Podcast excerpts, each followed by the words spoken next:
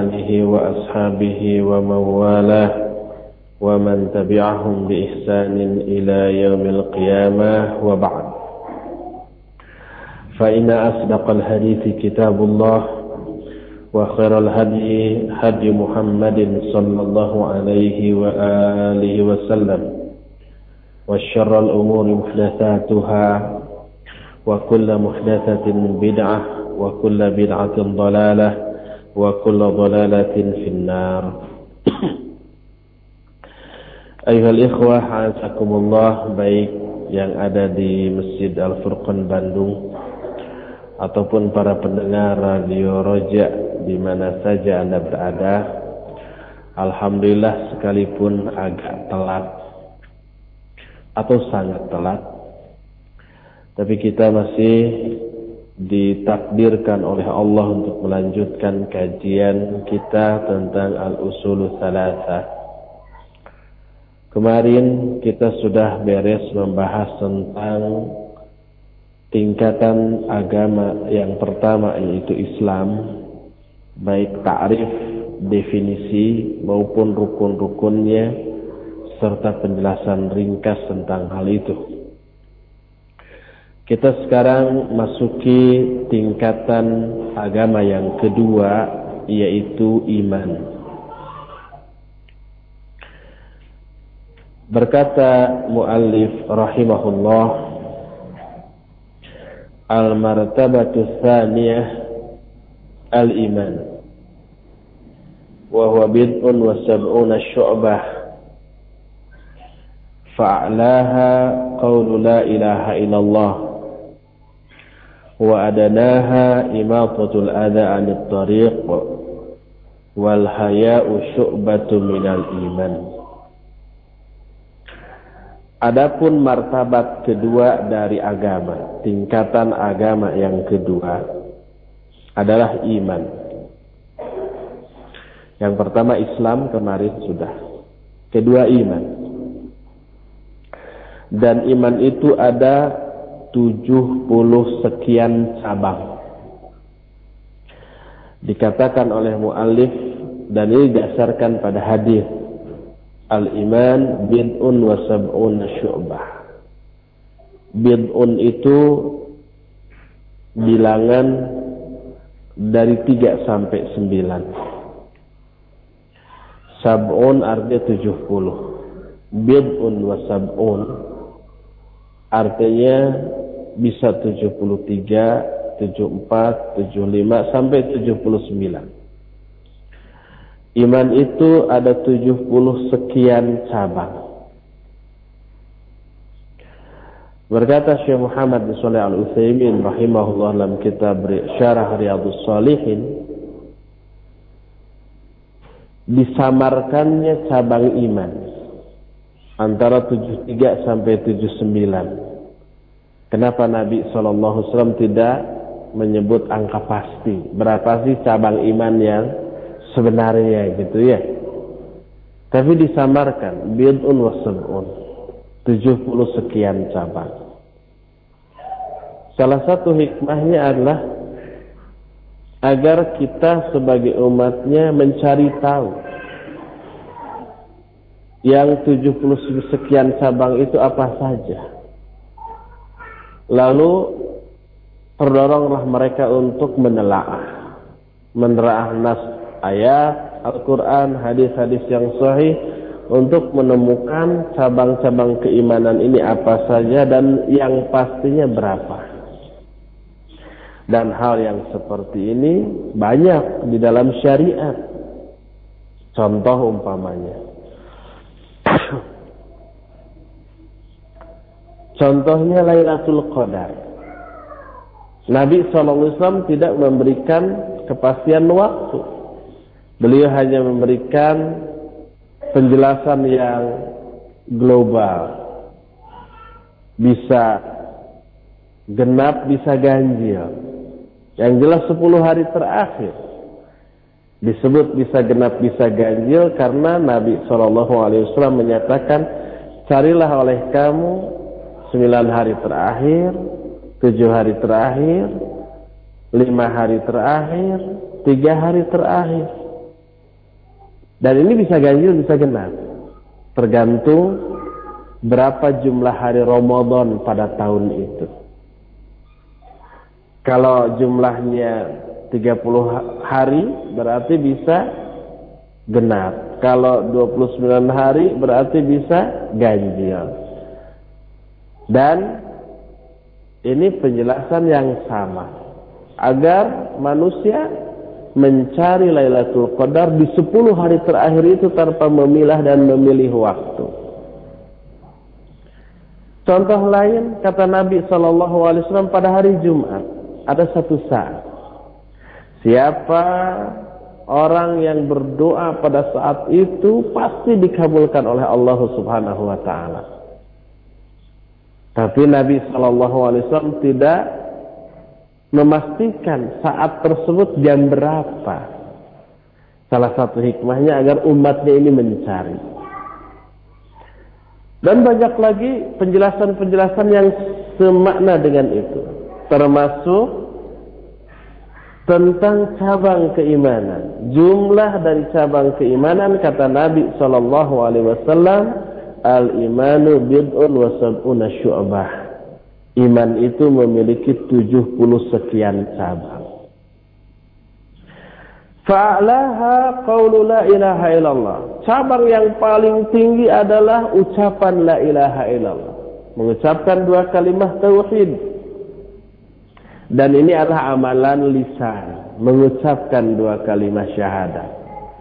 Mengucapkan kalimat tauhid.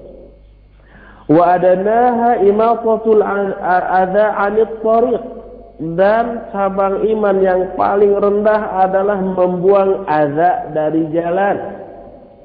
Adha itu segala sesuatu yang mengganggu.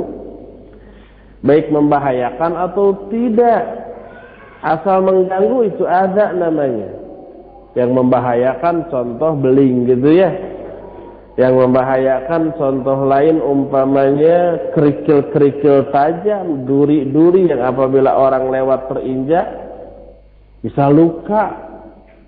Itu ada atau tidak membahayakan tapi mengganggu. Umpamanya ada kotoran binatang di jalan tersebut atau ada ongokan sampah yang apabila orang lewat ke sana harus nahan nafas gitu ya. Lewat ke sana mata kaluman, mata sariksit kata orang Sunda. Itu juga al-adha. Walaupun tidak membahayakan tapi mengganggu. Imatatul adha anit tariq. Membuang gangguan dari jalan. Itu termasuk cabang iman yang paling rendah. Dan itu adalah amal anggota badan wal haya'u syu'batun minal iman. Dan rasa malu termasuk salah satu cabang dari keimanan. Rasa malu adalah amalan hati. Jadi di dalam hadis ini Nabi Shallallahu Alaihi Wasallam menjelaskan iman itu mencakup tiga jenis amalan. Amalan lisan berupa ucapan la ilaha illallah amalan anggota badan berupa membuang gangguan dari jalan dan amalan hati berupa rasa malu tadi.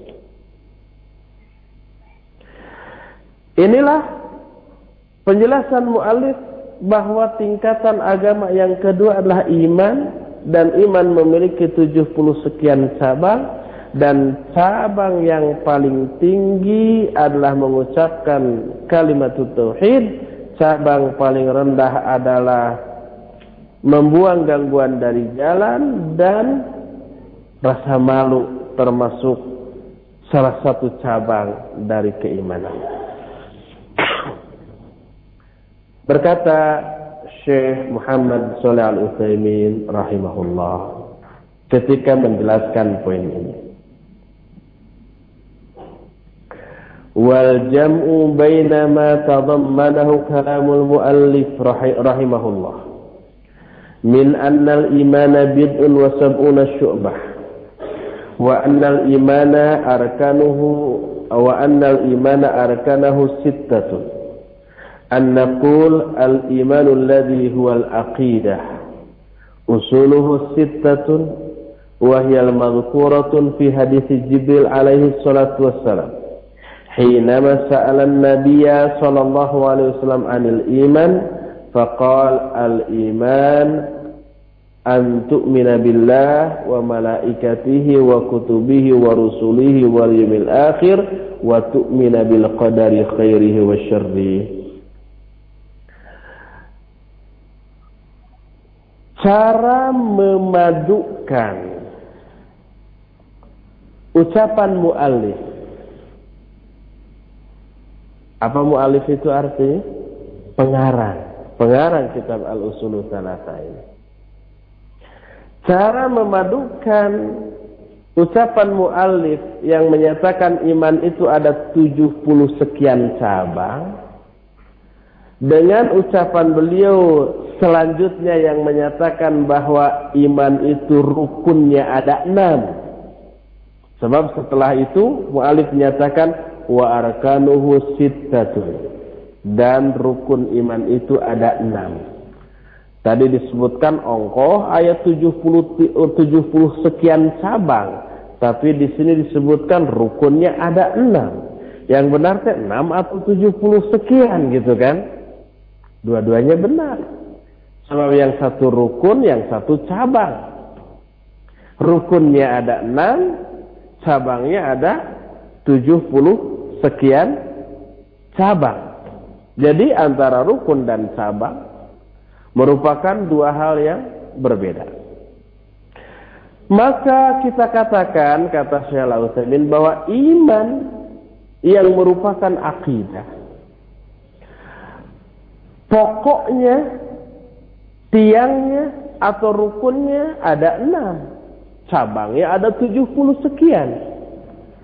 Dan enam rukun iman itu disebutkan dalam hadis Jibril alaihi salam.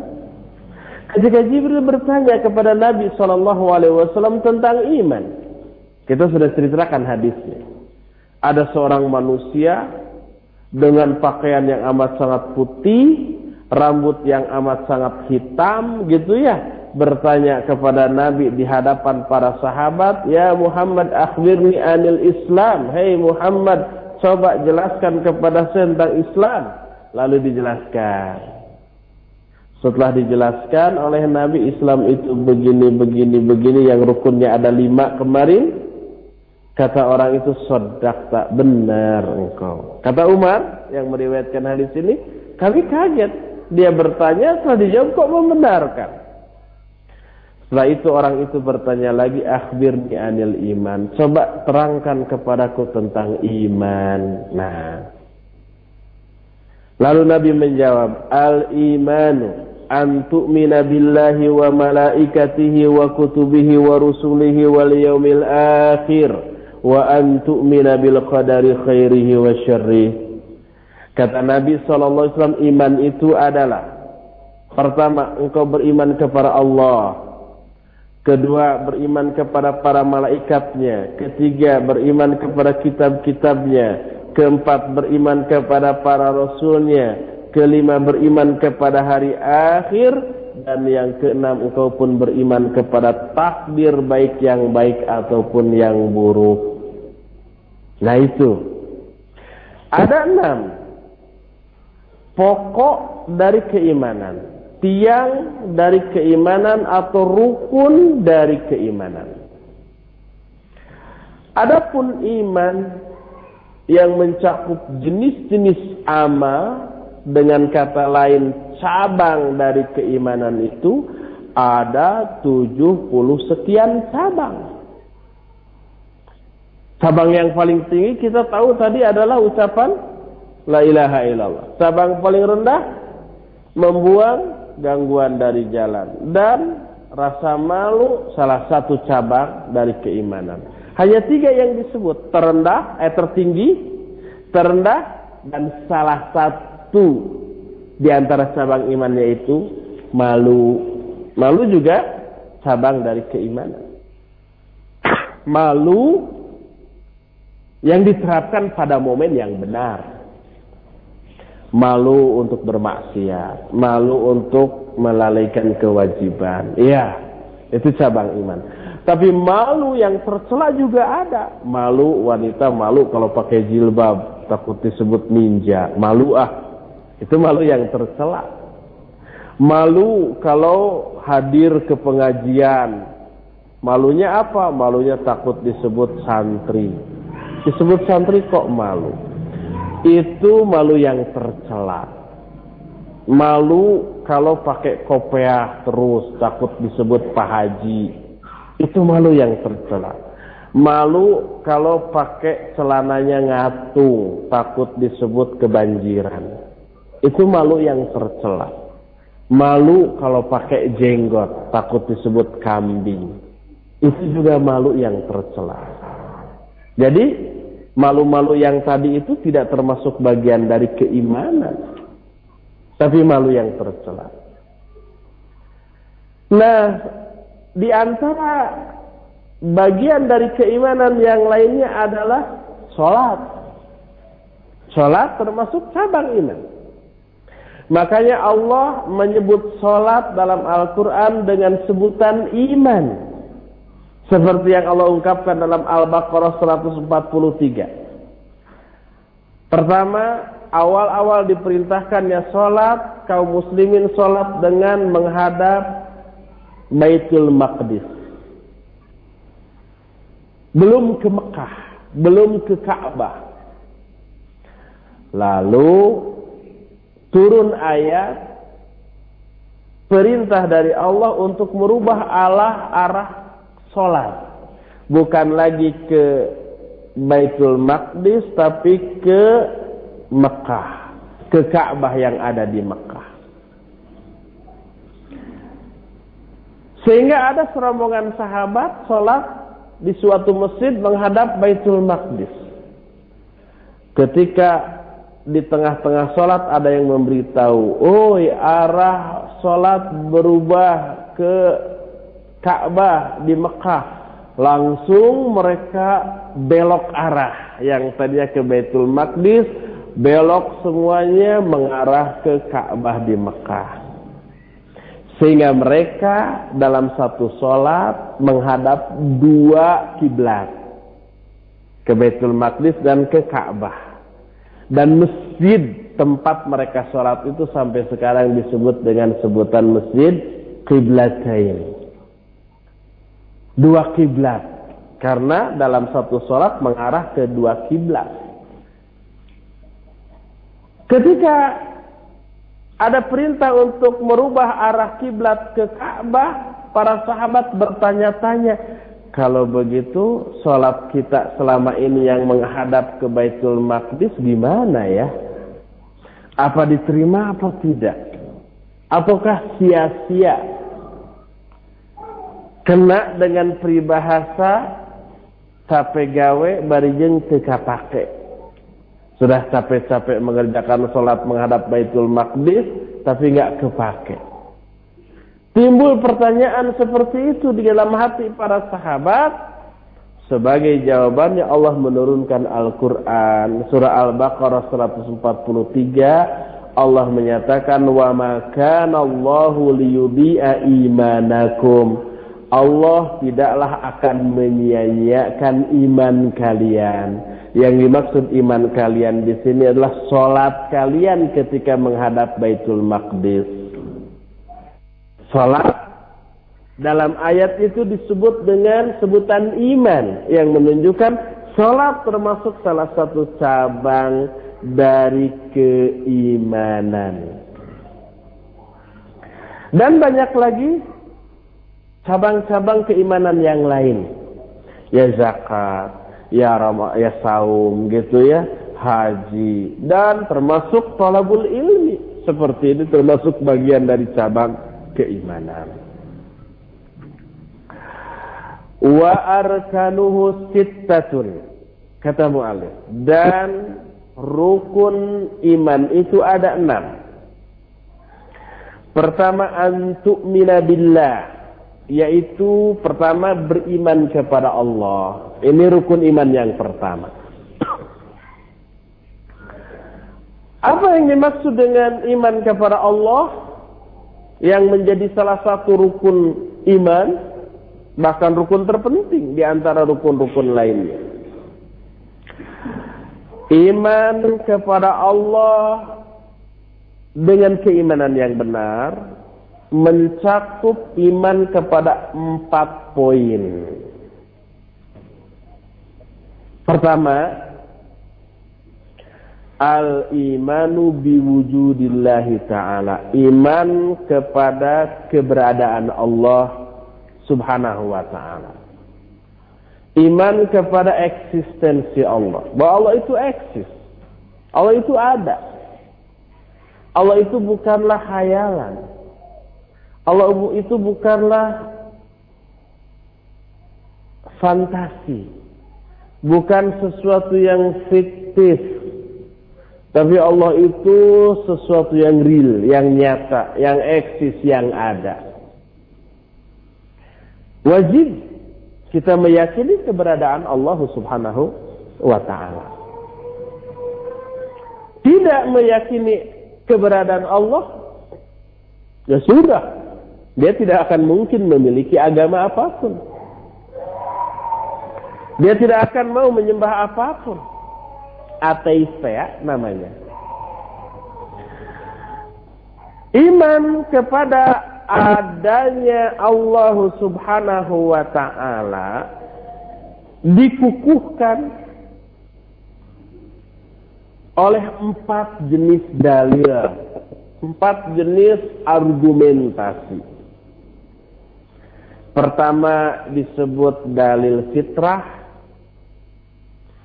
kedua disebut dalil akal, ketiga disebut dalil syar'i, dan terakhir keempat disebut dalil hissi. Empat jenis dalil ini mengukuhkan, mengokohkan, menetapkan, memantapkan keberadaan Allah Subhanahu wa taala. Nah, sekarang ini kita rinci satu-satu. Apa yang dimaksud dengan dalil fitrah? Adapun dalil fitrah tentang keberadaan Allah Subhanahu wa taala menyatakan bahwa semua makhluk. Maksudnya jin dan manusia. Diciptakan dengan membawa potensi keimanan kepada penciptanya tanpa harus berpikir, tanpa harus belajar. Semua manusia. Begitu lahir, maka di dalam dirinya sudah ada naluri keimanan kepada penciptanya tanpa harus berpikir atau belajar atau menelaah sebelumnya. Dan naluri keimanan seperti ini tidak akan terpalingkan kecuali kalau ada pihak luar yang memalingkannya. Ini didasarkan pada ayat dan hadis. Pertama ayat Surah Ar-Rum ayat ke-30 menyatakan Fasim wajhaka lid-dini hanifah fitratallahi allati fataran nasa 'alaiha Hadapkan wajahmu kepada agama yang lurus. Agama yang lurus itu maksudnya Islam. Itulah fitrah Allah. Agama yang lurus atau Islam itulah fitrah Allah yang semua manusia telah diciptakan di atas fitrah itu. Semua manusia telah diciptakan di atas fitrah itu, maksudnya di atas agama Islam itu. Makanya semua bayi yang lahir, mereka lahir di atas fitrah sebagaimana sabda Nabi Shallallahu Alaihi Wasallam dalam hadis yang sahih riwayat Imam Bukhari dan Imam Muslim dalam dua kitab sahihnya Nabi Shallallahu Alaihi Wasallam bersabda ma min mauludin illa yuladu alal fitrah fa'abawahu yuhawidanihi au yunassiranihi au tidak ada satupun anak yang lahir kecuali lahir di atas fitrah. Maksud di atas fitrah itu di atas Islam. Makanya Abu Hurairah yang yang meriwayatkan hadis ini dia menyatakan atadruna mal fitrah? Tahu nggak kalian apakah fitrah itu? Dia bertanya kepada para muridnya. Lalu beliau menjelaskan fitrah itulah Islam yang semua manusia telah diciptakan di atas Islam ini. Lalu dia membacakan ayat ke-30 dari surah Ar-Rum yang menyatakan fitratullahi allati nasa 'alaiha. Yang tadi saya jelaskan, yang tadi saya kutip. Ma mauludin illa yuladu alal fitrah tidak ada baik yang lahir kecuali lahir di atas fitrah, di atas Islam, di atas agama yang lurus fa'abawahu yuhawidani au yunasirani au yumajisani maka kedua orang tuanya lah yang meyahudikan dia yang menasranikan dia atau memajusikan dia. Jadi kalau anak itu kedua orang tuanya Yahudi nanti udah gedenya diyahudikan dia kalau kedua orang anak eh, kalau anak itu kedua orang tuanya Nasrani, nanti kalau pas sudah masanya dia dibaptis jadi Nasrani. Demikian juga Majusi, demikian juga Hindu, demikian juga Buddha, demikian juga ateis, demikian juga semua agama. Tapi kalau anak itu setelah gedenya tidak ada yang meyahudikan, tidak ada yang menasranikan, tidak ada yang memajusikan, tidak ada yang membudakkan, menghindukan, mengalihkan ke agama lain, dia tetap sebagai seorang muslim sekalipun kedua orang tuanya non muslim. Apalagi kalau kedua orang tuanya Islam. Kalau kedua orang tuanya Islam, otomatis anaknya Islam. Orang tuanya kafir juga, anaknya tetap Islam. Coba nanti ketika gede mereka akan dimurtadkan dari Islam masuk ke dalam agama yang dikehendaki oleh orang tuanya. Inilah yang dimaksud dengan dalil fitrah. Bahwa semua manusia lahir di atas fitrah. Fitrah yang dimaksud di sini Islam. Mereka membawa intuisi, membawa naluri untuk beriman kepada penciptanya. Makanya pasti hati kecil setiap manusia mengakui terhadap keberadaan Allah Subhanahu wa taala. Ini dalil fitrah. Ini yang pertama. Kedua, dalil akal. Adapun dalil akal tentang keberadaan Allah bahwa seluruh makhluk yang ada ini tidak mungkin ada dengan sendirinya. Tapi pasti ada yang mengadakannya. Pasti itu. Tidak mungkin ada tanpa ada yang mengadakannya. Suatu makhluk atau suatu benda ada karena beberapa hal. Karena beberapa alasan. Pertama, ada dengan sendirinya ujung-ujung jelek. Gitu ya. Itu yang pertama. Kedua, ada karena dia menciptakan dirinya sendiri. Ketiga, ada karena dia di, diciptakan, diadakan oleh pihak lain. Ada tiga kemungkinan. Kemungkinan pertama dia menciptakan dirinya sendiri. Kemungkinan kedua dia ini ada dengan sendirinya tanpa diciptakan oleh dirinya sendiri atau oleh pihak lain. Yang ketiga ada karena memang diadakan oleh pihak lain. Tiga kemungkinan. Sekarang di antara tiga kemungkinan ini mana yang paling masuk akal logika dan kenyataan? Pertama, sesuatu ada karena dia menciptakan dirinya sendiri. Masuk akal nggak? Nggak masuk akal. Dan tidak ada dalam realita. Makanya tidak mungkin ini terjadi. Umpamanya sesuatu ada karena dia menciptakan dirinya sendiri. Ini dianggap mustahil karena apa? Karena sebelum dia ada, dia tiada. Dan ketika dia tidak ada, mustahil dia sudah menjadi pencipta sekalipun menciptakan dirinya sendiri. Ini harus agak mikir sedikit ya. Sesuatu ada karena dia menciptakan dirinya sendiri. Mustahil. Karena apa? Karena sebelum dia ada, dia tidak tidak ada. Dan ketika dia tidak ada, mustahil dia sudah menjadi pencipta. Ya, walaupun menciptakan dirinya sendiri. Ah, ini mustahil. Nggak mungkin. Ini nggak mungkin. Ini pertama. Kedua, sesuatu ada karena ada dengan sendirinya ujuk-ujuk jelek saja. Mungkinkah? Secara akal? Tidak mungkin. Ada nggak dalam kenyataan? Tidak mungkin. Andai kita pergi ke gunung, ke hutan, kahiji leweng, nuluang liu, can pernah kasabak ku manusia. Hutan yang masih perawan, yang belum pernah termasuki orang. Dan kita orang yang pertama yang memasukinya.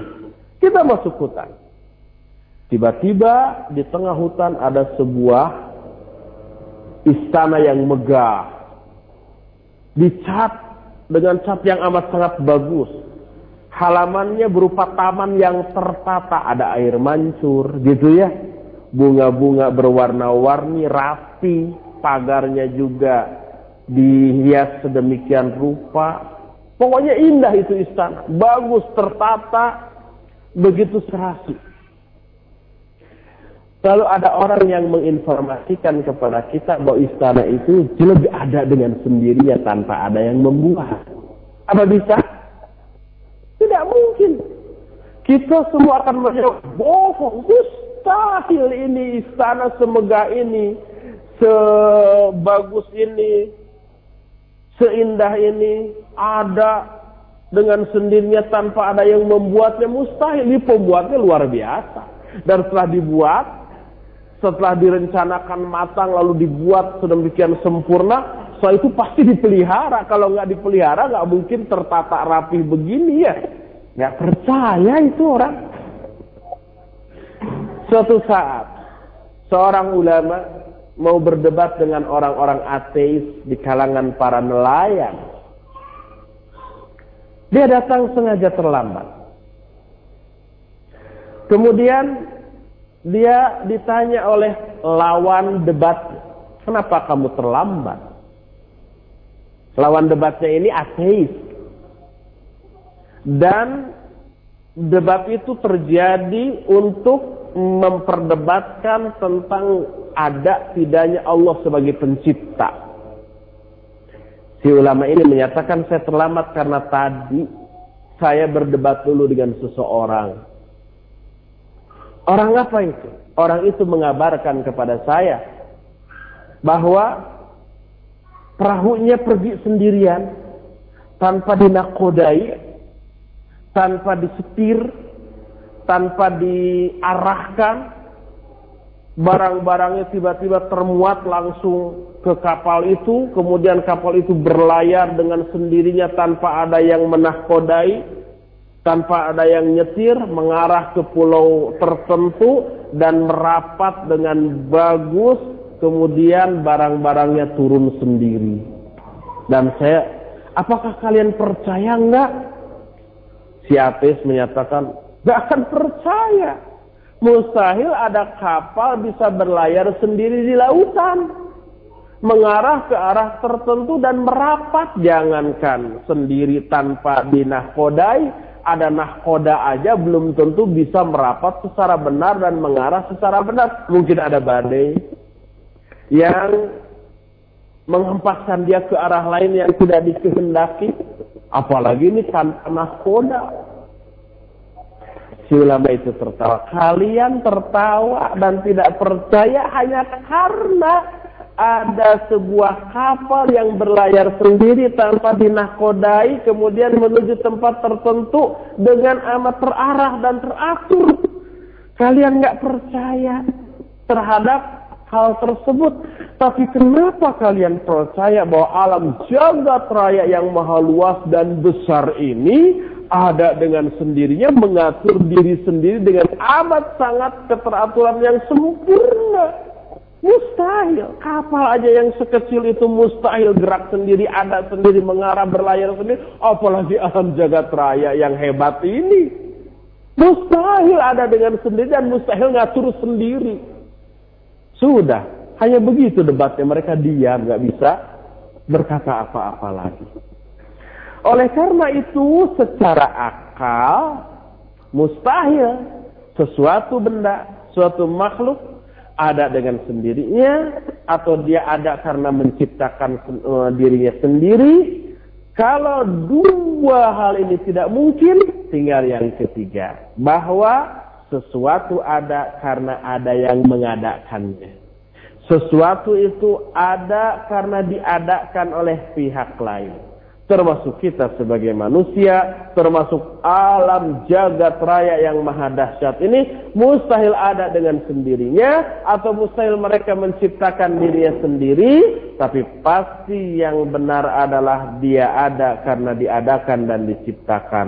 Yang mengadakan dan yang menciptakan itulah yang disebut dengan Khaliq alias pencipta dan dia adalah Allah Subhanahu wa taala.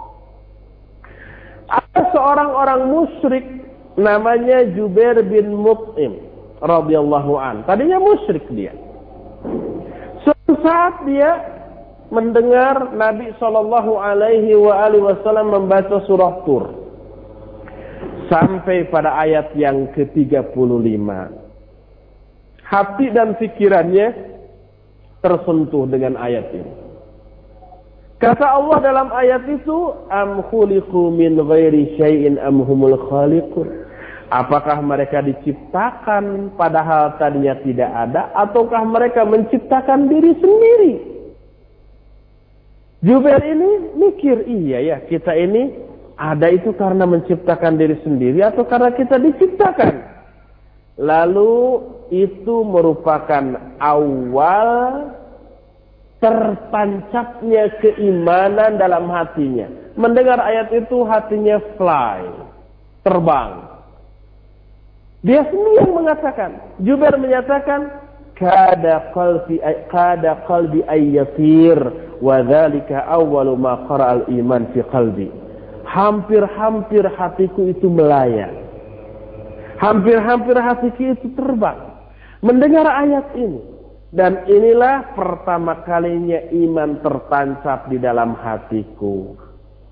Riwayat ini sahih diceritakan oleh Imam Al-Bukhari dalam kitab sahihnya.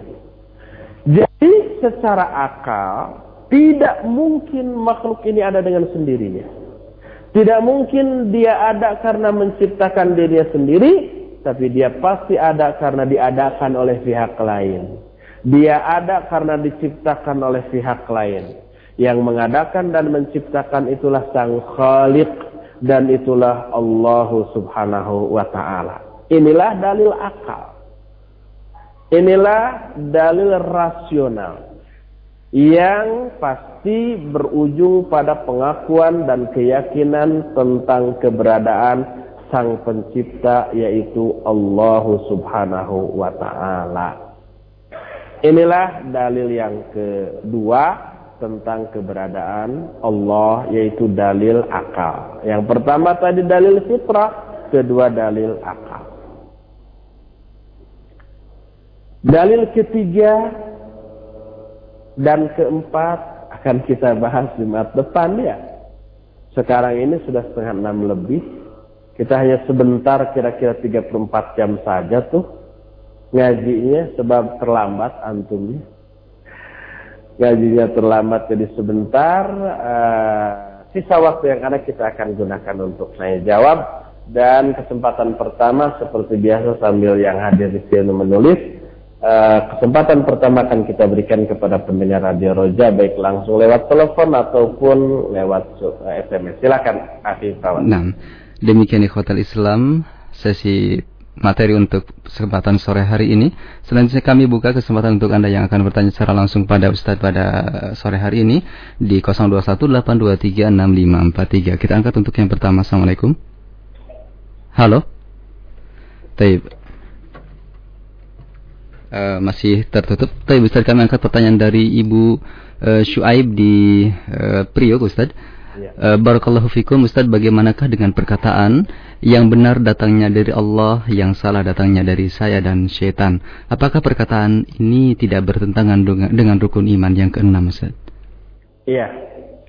Pertanyaan dari Ibu Syuaib di Jakarta, pendengar Radio Roja, bagaimana dengan orang yang mengatakan kebenaran itu datangnya dari Allah dan kesalahan itu berasal dari diri saya sendiri dan dari syaitan? Apakah itu benar dan apakah itu tidak bertentangan dengan rukun iman terakhir yaitu iman kepada e, takdir. Kita belum sampai ya kepada iman kepada takdir tapi nggak apa-apa dijawab. Perkataan tadi benar. Kalau ada yang benar itu dari Allah. Kalau ada yang salah maka itu dari diri saya sendiri. Timbul pertanyaan, bukankah kesalahan kita sendiri itu sudah takdir Allah? Benar, memang takdir Allah. Cuma adab tidak boleh menisbata, menisbatkan keburukan dan kejelekan kepada Allah Subhanahu wa taala. Jadi, kalau ada keburukan yang terjadi menimpa kita, tidak boleh dinisbatkan kepada Allah tetapi nisbatkanlah kepada diri sendiri. Seperti contoh umpamanya Allah berfirman, "Zaharal fasadu fil barri wal bahri bima kasabat aydinna." Telah nampak kerusakan di, la, di la, daratan dan di lautan bima kasabat aydinna karena ulah-ulah tangan-tangan manusia. Dalam surah Jin Allah Subhanahu wa taala mengutip perkataan jin yang mengatakan bahwa kata bangsa jin dalam surah jin tersebut kami tidak mengetahui apakah Allah menghendaki ar-rusyd kepada mereka ataukah mereka menghendaki keburukan untuk diri-diri mereka sendiri di sini Allah menisbatkan ar-rusd kepada Allah, tetapi keburukan oleh Allah dinisbatkan kepada diri-diri manusia itu sendiri. Jadi memang walaupun semua keburukan terjadi atas takdir Allah, tetapi adab yang harus kita tunjukkan kita tidak boleh menisbatkan keburukan kepada Allah Subhanahu wa taala. Hmm. Oleh karena itu bila kita mengatakan kalau ada yang benar itu datang dari Allah dan kalau ada yang salah maka kesalahan itu datang dari diri saya sendiri atau dari setan. Ya perkataan itu dibenarkan dan tidak bertentangan dengan rukun iman yang keenam. Wallahu a'lam Baik. Nah, masih ada kesempatan untuk mendengar saja? Silakan. Dari Ibu Ani di Bekasi, silakan Ibu. Uh, Assalamualaikum warahmatullahi wabarakatuh. Waalaikumsalam warahmatullahi Silakan Ibu. Uh, saya mau bertanya, uh, tadi Ustadz sudah sampaikan bahwa cabang-cabang keimanan itu ada 70 sekian dan cabang keimanan yang tertinggi adalah uh, perkataan kalimat la ilaha illallah. Apakah bisa uh, dijamin apabila kita sudah benar uh, mengucapkan la ilaha illallah, oh, sudah uh, bisa untuk cabang keimanan yang berikutnya sudah bisa kita amalkan dengan benar atau tidak? Ustaz, mohon penjelasannya. Subhan, Assalamualaikum warahmatullahi wabarakatuh. Waalaikumsalam warahmatullahi wabarakatuh. Nah, silakan ya, Dari Ibani di Jakarta. Di Bekasi sana. Eh di Bekasi. Silakan. Tadi dijelaskan bahwa e, cabang keimanan yang paling tinggi itu adalah la ilaha illallah. Sekarang, apakah bila seseorang sudah mengatakan la ilaha illallah sebagai cabang iman tertinggi, apakah dia dijamin berarti sudah bagus juga cabang-cabang keimanan yang lainnya?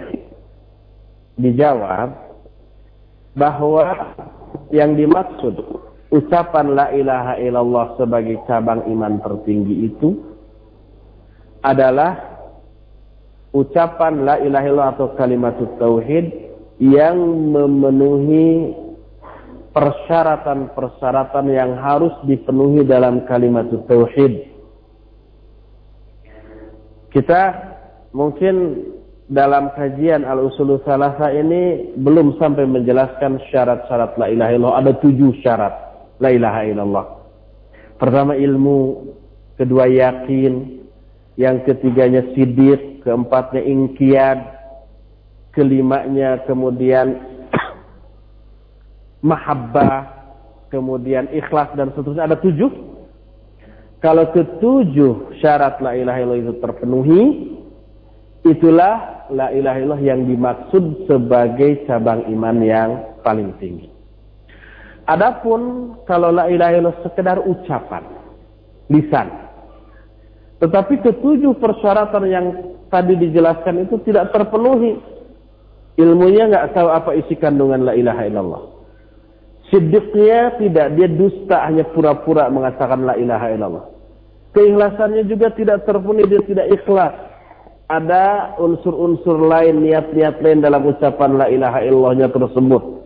Pokoknya tidak terpenuhi salah satu aja, apalagi tujuh-tujuhnya syarat la ilaha illallah, maka itu sekedar igowa, nigau saja dia. Oleh karena itu, wajib dipenuhi ketujuh syarat la ilaha illallah yang ditetapkan oleh para ulama berdasarkan nas-nas ayat dan hadis-hadis yang sahih, barulah itu yang dimaksud dengan cabang keimanan yang paling tinggi. Oleh karena itu, kita lihat banyak orang mengatakan la ilaha illallah sekian ribu kali. Tapi tanpa ilmu, tanpa penghayatan, tanpa keikhlasan, tanpa kejujuran, tanpa keyakinan, tanpa memenuhi syarat-syarat itu, tapi dia tetap bermaksiat, tapi dia tetap syirik melakukan perbuatan syirik, tapi dia tetap melakukan kebidahan, tapi dia tetap melanggar ayat-ayat Allah. Nah itu banyak. Karena apa? Karena la ilaha illallahnya sekedar di mulut, sekedar di lisan, tanpa terpenuhinya ketujuh syarat yang wajib dipenuhi dalam la ilaha illallah. Wallahu alam. Ya. Ini kita uh, seling dulu dengan pertanyaan dari jamaah yang ada di sini Pak ya. Silakan. Sambil silakan antum himpun pertanyaan lain. Nah.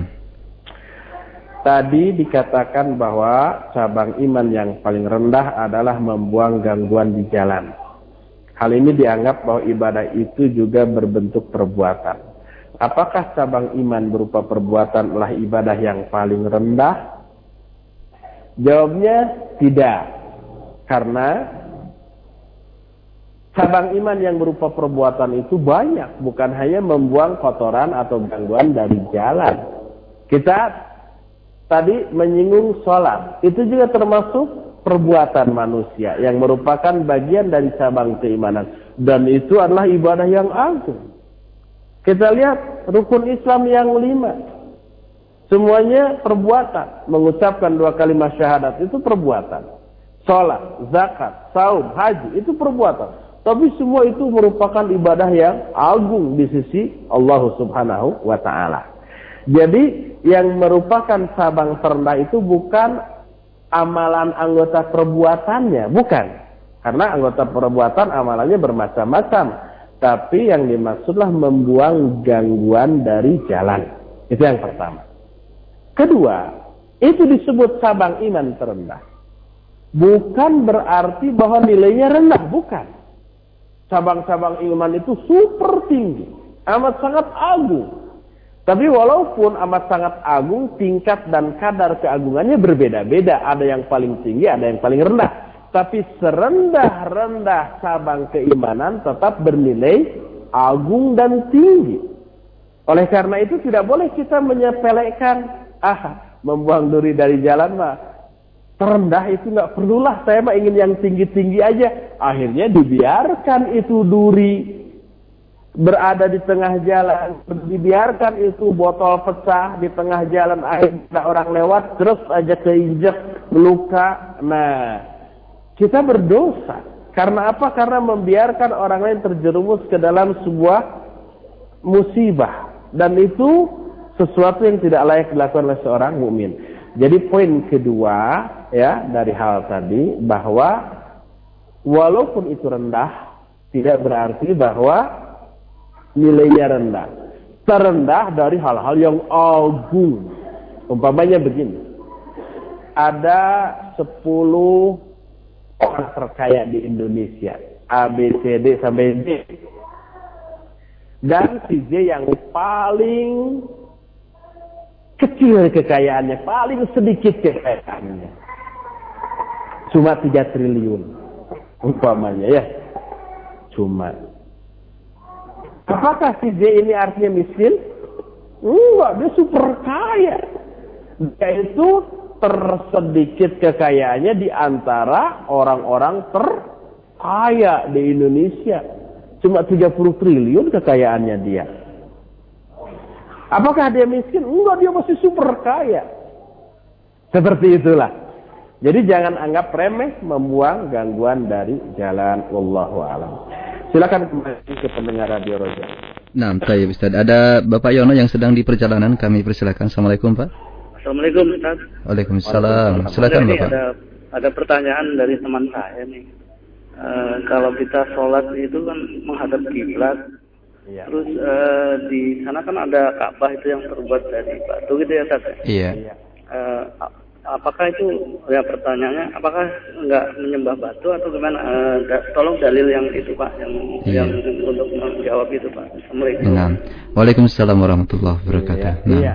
Ada silakan. pertanyaan dari Bapak yang sedang TP on the way di tengah jalan sambil nyetir hati-hati Pak ya Iya. nyetirnya.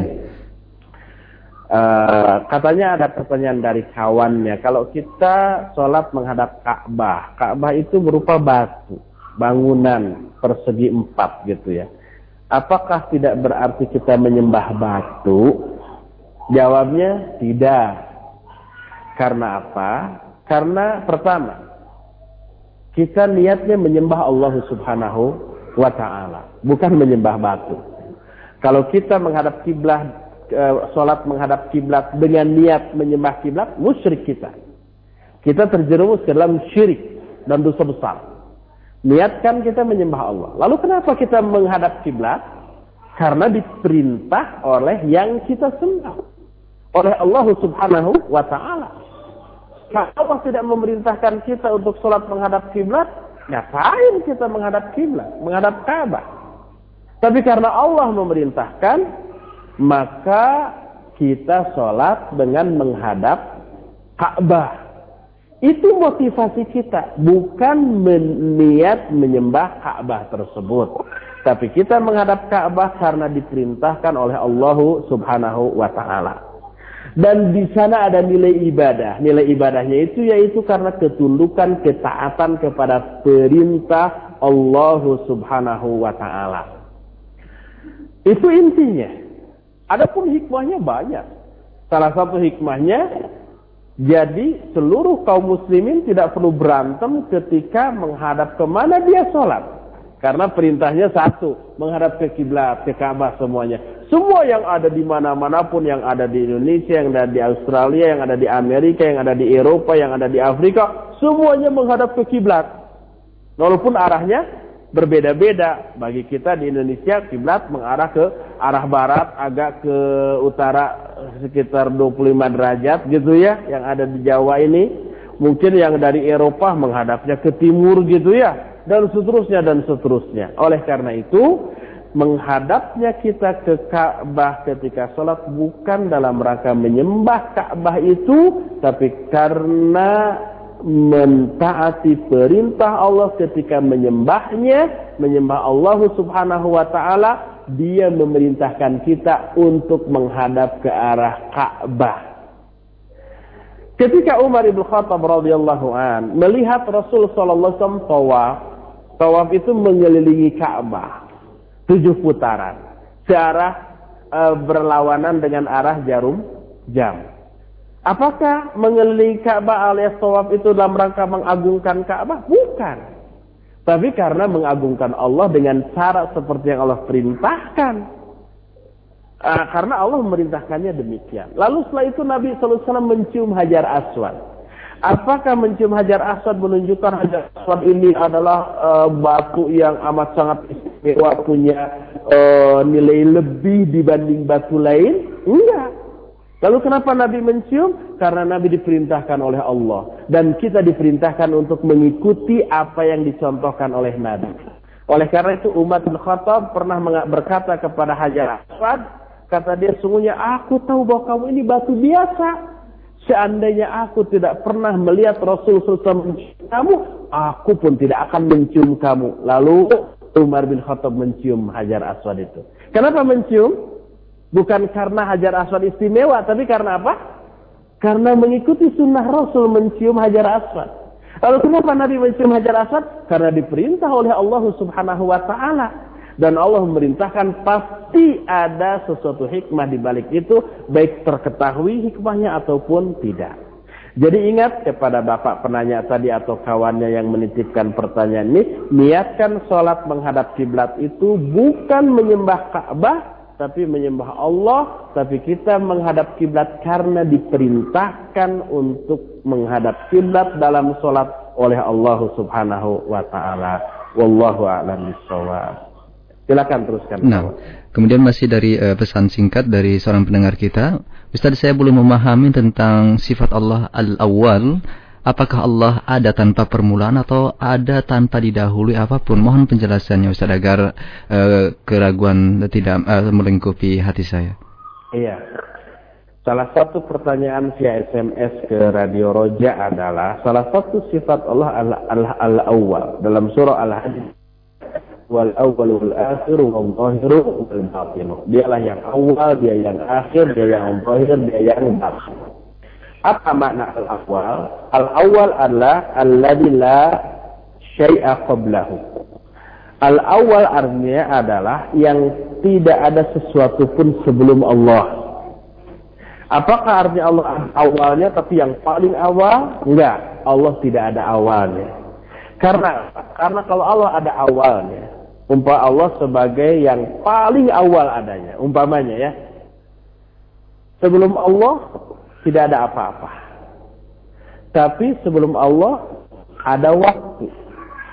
Dan waktu adalah makhluk. Berarti sebelum Allah ada apa-apa kalau begitu. Berarti Allah bukan yang awal. Oleh karena itu yang dimaksud huwal awwalu Allah yang paling awal adalah yang tidak ada awalnya. Tidak ada permulaannya. Keberadaannya tidak diawali oleh tidak ada. Dan tidak diakhiri oleh ketiadaan. Allah tidak pernah berakhir. Yang dimaksud al-akhir. Allah yang paling akhir. Artinya yang tidak pernah berakhir. Yang tidak diakhiri oleh ketiadaan.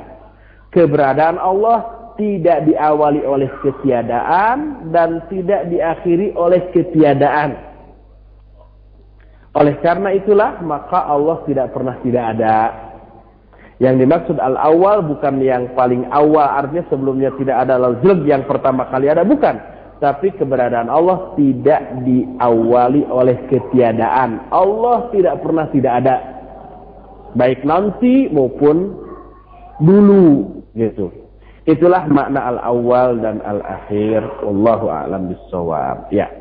Uh, di sini bahwa sebentar lagi akan nah. azan maghrib. Nah. Untuk itu sampai di sini saja dulu. Dan bagi ikhwan dan akhwat yang ada di Bandung, seperti biasa besok ada kajian kita di Masjid Raya Cipaganti, membahas kita bulu bulu maram. Dan bagi ikhwan akhwat yang dari luar kota kebetulan besok umpamanya berlibur ke Bandung, sempatkan ngaji ke Masjid uh, Raya Cipaganti seperti biasa setengah lima sampai maghrib. Nah, Sekian saja dulu. Subhanakallahu bihamdik. Ashadu an la ilaha ila an. Astaghfiruka wa atubu ilaik. Walhamdulillahi rabbil alamin. Wassalamualaikum warahmatullahi wabarakatuh. Waalaikumsalam warahmatullahi wabarakatuh. Terima kasih Ustaz Jazakallah khairan atas pembahasan yang sangat bermanfaat dari kitab Al-Usulul Salasah tiga landasan utama dengan syarah yang dipakai oleh Al Ustaz dari uh, syarah yang disusun oleh Fadilatul Syekh uh, Muhammad bin Saleh Al Thaymin rahimahullahu taala. Semoga bermanfaat dan semoga Allah taala memberikan keberkahan dan penjagaan untuk Ustaz dan kita semua eh, semoga kita bisa memahami apa-apa yang telah tadi kita simak pembahasannya dan insya Allah pembahasan dari kitab ini bisa Anda ikuti kembali di hari Jumat sore di pekan mendatang. Terima kasih atas kebersamaannya. Mohon maaf bagi Anda yang telah mengirimkan pertanyaan. Namun karena keterbatasan waktu, kami tidak bisa mengajukan pertanyaan Anda keseluruhannya. Kemudian ikhwatal Islam saat ini pukul 17.47 menit waktu Indonesia bagian Barat. Masih ada beberapa menit ke depan bagi uh, kita untuk mengumandangkan azan bagi sholat maghrib daerah Jakarta dan sekitarnya. Sebelumnya eh, kami kembali informasikan beberapa info kajian ilmiah yang eh, bisa Anda agendakan untuk di kesempatan esok. bagi Anda yang berada di daerah Bekasi Selatan dan sekitarnya bahwa insya Allah Ustaz Abu Haidar Sundawi akan hadir di Masjid Al-Ihsan dengan alamat Jalan Pondok Jinggamas 4, Perumahan Pondok Timur Mas Bekasi Selatan dari pembahasan Tauhid pada esok pagi jam 9 waktu Indonesia bagian Barat sampai dengan selesai. Informasi lebih lanjut silakan hubungi panitia di 0811940499. Kemudian untuk uh, Anda juga yang berada di daerah Cimanggis Depok dan sekitarnya pada esok Ba'ada Subuh Insya Allah diselenggarakan pula kajian pembahasan uh, Kitab Bulughul Maram dengan uh, syarahnya yang disampaikan oleh Ustaz Zainal Abidin uh, kami ulangi di alus, oleh Al Ustaz Abu Ahmad Zainal Abidin diselenggarakan di Masjid Baitul Basir Perumahan Permata Puri 1 Jalan Radar Auri Cimanggis Depok Informasi bisa hubungi panitia di 0811173675. Kemudian untuk selanjutnya di hari Ahad 9 Agustus 2009 untuk Anda yang berada di daerah Bekasi Selatan kembali, insya Allah diselenggarakan kajian dengan pembahasan sifat saum Nabi Shallallahu Alaihi Wasallam yang disampaikan oleh Ustaz Abu Yahya Badrul Salam Hafilullah diselenggarakan di Masjid Muhammad Ramadan Perumahan Taman Galaksi Indah Jalan Pulau Ribung Raya Kafling 2 Pekayon Bekasi Selatan Kajian terbuka untuk umum, ikhwan dan akhwat. Informasi bisa hubungi panitia di 0812 9572 868. Kemudian untuk yang berada di daerah eh, bekas eh, Jakarta Barat, insya Allah diselenggarakan kajian dengan pembahasan bedah buku Siapa bilang Sunni dan Syiah bisa bersatu bersama Ustaz Abu Qatadah Hafirullah. Kajian ini diselenggarakan pada Ahad 9 Agustus 2009 jam 9 waktu Indonesia bagian Barat sampai dengan selesai. Kajian diselenggarakan di Masjid Nurul Iman, Jalan Raya Pos Pengumben nomor 21 Serengseng Kembangan, Jakarta Barat. Kajian gratis terbuka untuk umum ikhwan dan akhwat. Informasi lebih lanjut silakan hubungi Nomor kontak Vanitia di 91819283. Kemudian untuk yang berada di daerah Bintaro, Tangerang dan sekitarnya pada hari Ahad 9 Agustus 2009 eh, pagi jam 9 waktu Indonesia bagian Barat juga diselenggarakan kajian dengan tema Bersemilah Ramadan bersama Ustaz Jazuli Hafirullah diselenggarakan di Masjid An-Nasr, Jalan Bintaro Utama Raya, Sektor 5. Informasi lebih lanjut silakan hubungi panitia di 71140356. 71140356. Berikutnya ikhwatal Islam diinformasikan pula bagi, eh, bagi Anda yang berada di daerah Cilengsi dan sekitarnya pada hari Senin 10 Agustus 2009 Ba'da Asar sampai dengan selesai InsyaAllah kita akan simak secara langsung kajian bersama Ustaz uh, Abu Abdul Musin Firanda Hafirullah dengan pembahasan kiat-kiat muraqabatullah atau mendekatkan diri kepada Allah yang insyaAllah akan diselenggarakan di Masjid Al-Barkah, Kompleks Radio Roja, Jalan Pahlawan, Kampung Tengah, Cilengsi, Bogor. Informasi mengenai kajian ini bisa hubungi panitia atau penyelenggara di 0217024730. Kemudian ikhwatul Islam atas nama panitia pembangunan Masjid Al-Barkah kami eh, sampaikan bahwa dalam rangka peng, penyelesaian dari pembangunan Masjid Al-Barkah kami senantiasa eh, mengajak Anda untuk terus bertahun alal birri wa taqwa untuk pembangunan Masjid Al-Barkah Anda bisa mendonasikan infaknya melalui rekening Bank Syariah Mandiri di nomor di nomor rekening 103 7012686. Kami ulangi, Bank Syariah Mandiri nomor rekening 103 7012686.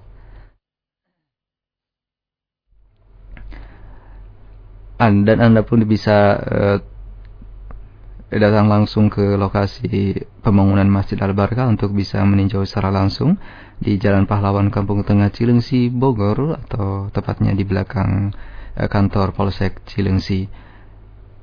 Untuk informasi ataupun untuk uh, laporan dari keuangan ini kami simpan di web kami di www.radioroja.com dan untuk informasi lebih lanjut silakan hubungi panitia di nomor telepon 0813 14 25 5958 0813 14 25 5958 Kami ucapkan terima kasih. Jazakumullahu khairan untuk kaum muslimin dan muslimat para donatur yang telah menginfakkan sebagian rezekinya untuk pembangunan Masjid Al-Barkah. Semoga Allah Subhanahu wa taala memberikan pahala dan ganjaran yang berlipat ganda dan tentunya yang eh, berguna pada kehidupan kita di akhirat kelak. Dan ikhwatal Islam tiba saatnya untuk kami hadirkan kumandang azan untuk sholat maghrib bagi daerah Jakarta dan sekitarnya. Kami ucapkan selamat menunaikan ibadah sholat maghrib untuk anda. Semoga Allah Subhanahu Wa Taala memudahkan seluruh aktivitas ibadah kita dan tentunya menjadikan seluruh aktivitas ibadah kita berpahala dan uh, menjadikan ibadah kita ikhlas hanya mengharapkan wajah Allah Subhanahu wa taala saja. Dari studio kami selamat mendengarkan. Wassalamualaikum warahmatullahi wabarakatuh.